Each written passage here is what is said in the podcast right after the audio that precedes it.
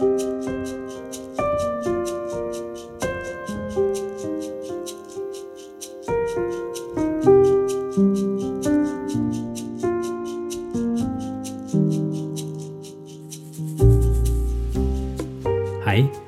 du lytter til Spires pod, og navnet mitt er Vidar Mæland Bakke.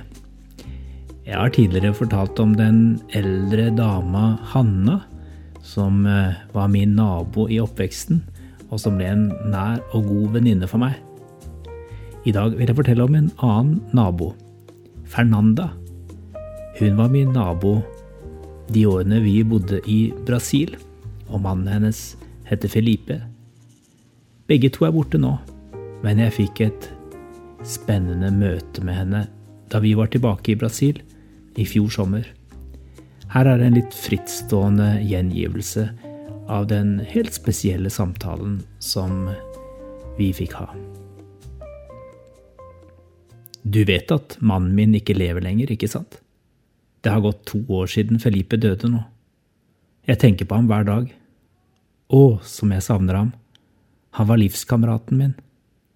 Ja, du vet han var fryktelig gretten av seg, han var det. Forbipasserende kunne sikkert høre ropene hans helt ut på gata. Han sa til meg at han ikke visste hvorfor han ofte ble så sinna på meg. Jeg vet hvorfor. I det hjemmet han vokste opp i, var det aldri noen som viste ham omsorg. Faren slo ham, og moren brydde seg ikke om ham. Men Filipe var en god mann. Jeg visste at han var en god mann, selv om han ikke alltid klarte å vise det. Og han var trofast.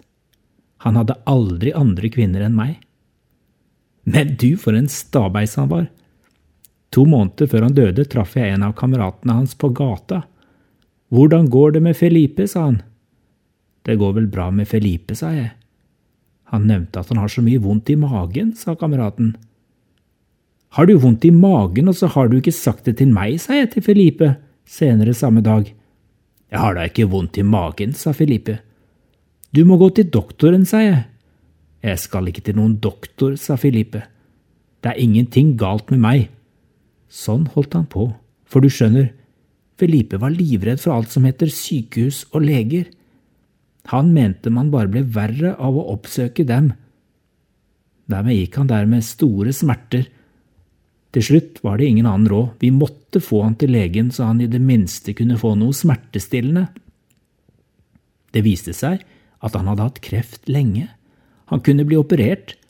Da var det en liten sjanse for at han ville bli frisk, men det ville koste 5000 reais. Jeg har ikke 5000 reais, sa Filipe. Du kan selge båten din, Filipe, sa jeg. Nei, det kommer ikke på tale, jeg trenger båten når jeg snart skal ut igjen og fiske. Du kan kjøpe en ny båt senere, sa jeg, er ikke livet viktigere enn den båten? Jeg selger ikke båten for en operasjon, sa Filipe. Jo da, han var en stabeis, mannen min. Hva kunne jeg gjøre annet enn å stelle med ham så godt jeg kunne, og det var ikke lett, skal jeg si deg. Var han sur og gretten før, ble han ikke noe bedre den siste måneden. Han nektet lenge å ta til seg mat, og da sa jeg til ham at jeg heller ikke ville spise når han ikke ville spise. Så gikk vi der i flere dager uten å spise stort, verken han eller jeg. Til slutt skjønte han at jeg ikke kom til å gi meg, og da fikk jeg i ham en liten porsjon ris og bønner om dagen. Det skjedde noe den siste tida. Vi hadde lenge sovet på hvert vårt rom. Han trengte plass rundt seg, pleide han å si, men vet du, en kveld sto han plutselig i døra mi. Kan jeg få komme inn, spurte han. Det er da fortsatt din seng, Filippe, sa jeg. Her er det plass til oss begge.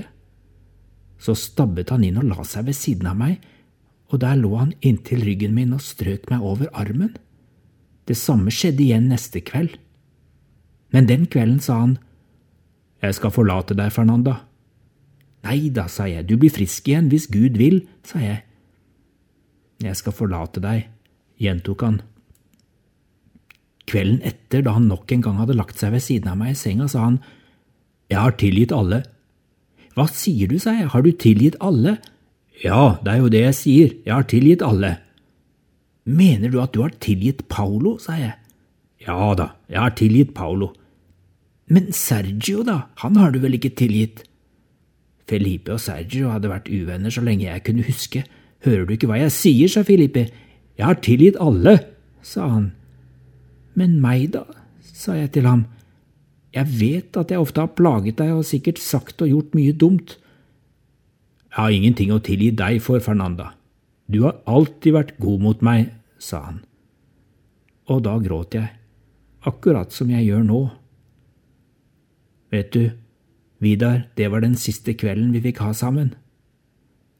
De andre damene sa ofte til meg at de ikke forsto hvordan jeg holdt ut med Felipes humør. Men du vet, døtrene mine ble skilt tidlig. De gikk fra sine menn. Nye menn har kommet og gått. Nå er de alene igjen, alle tre.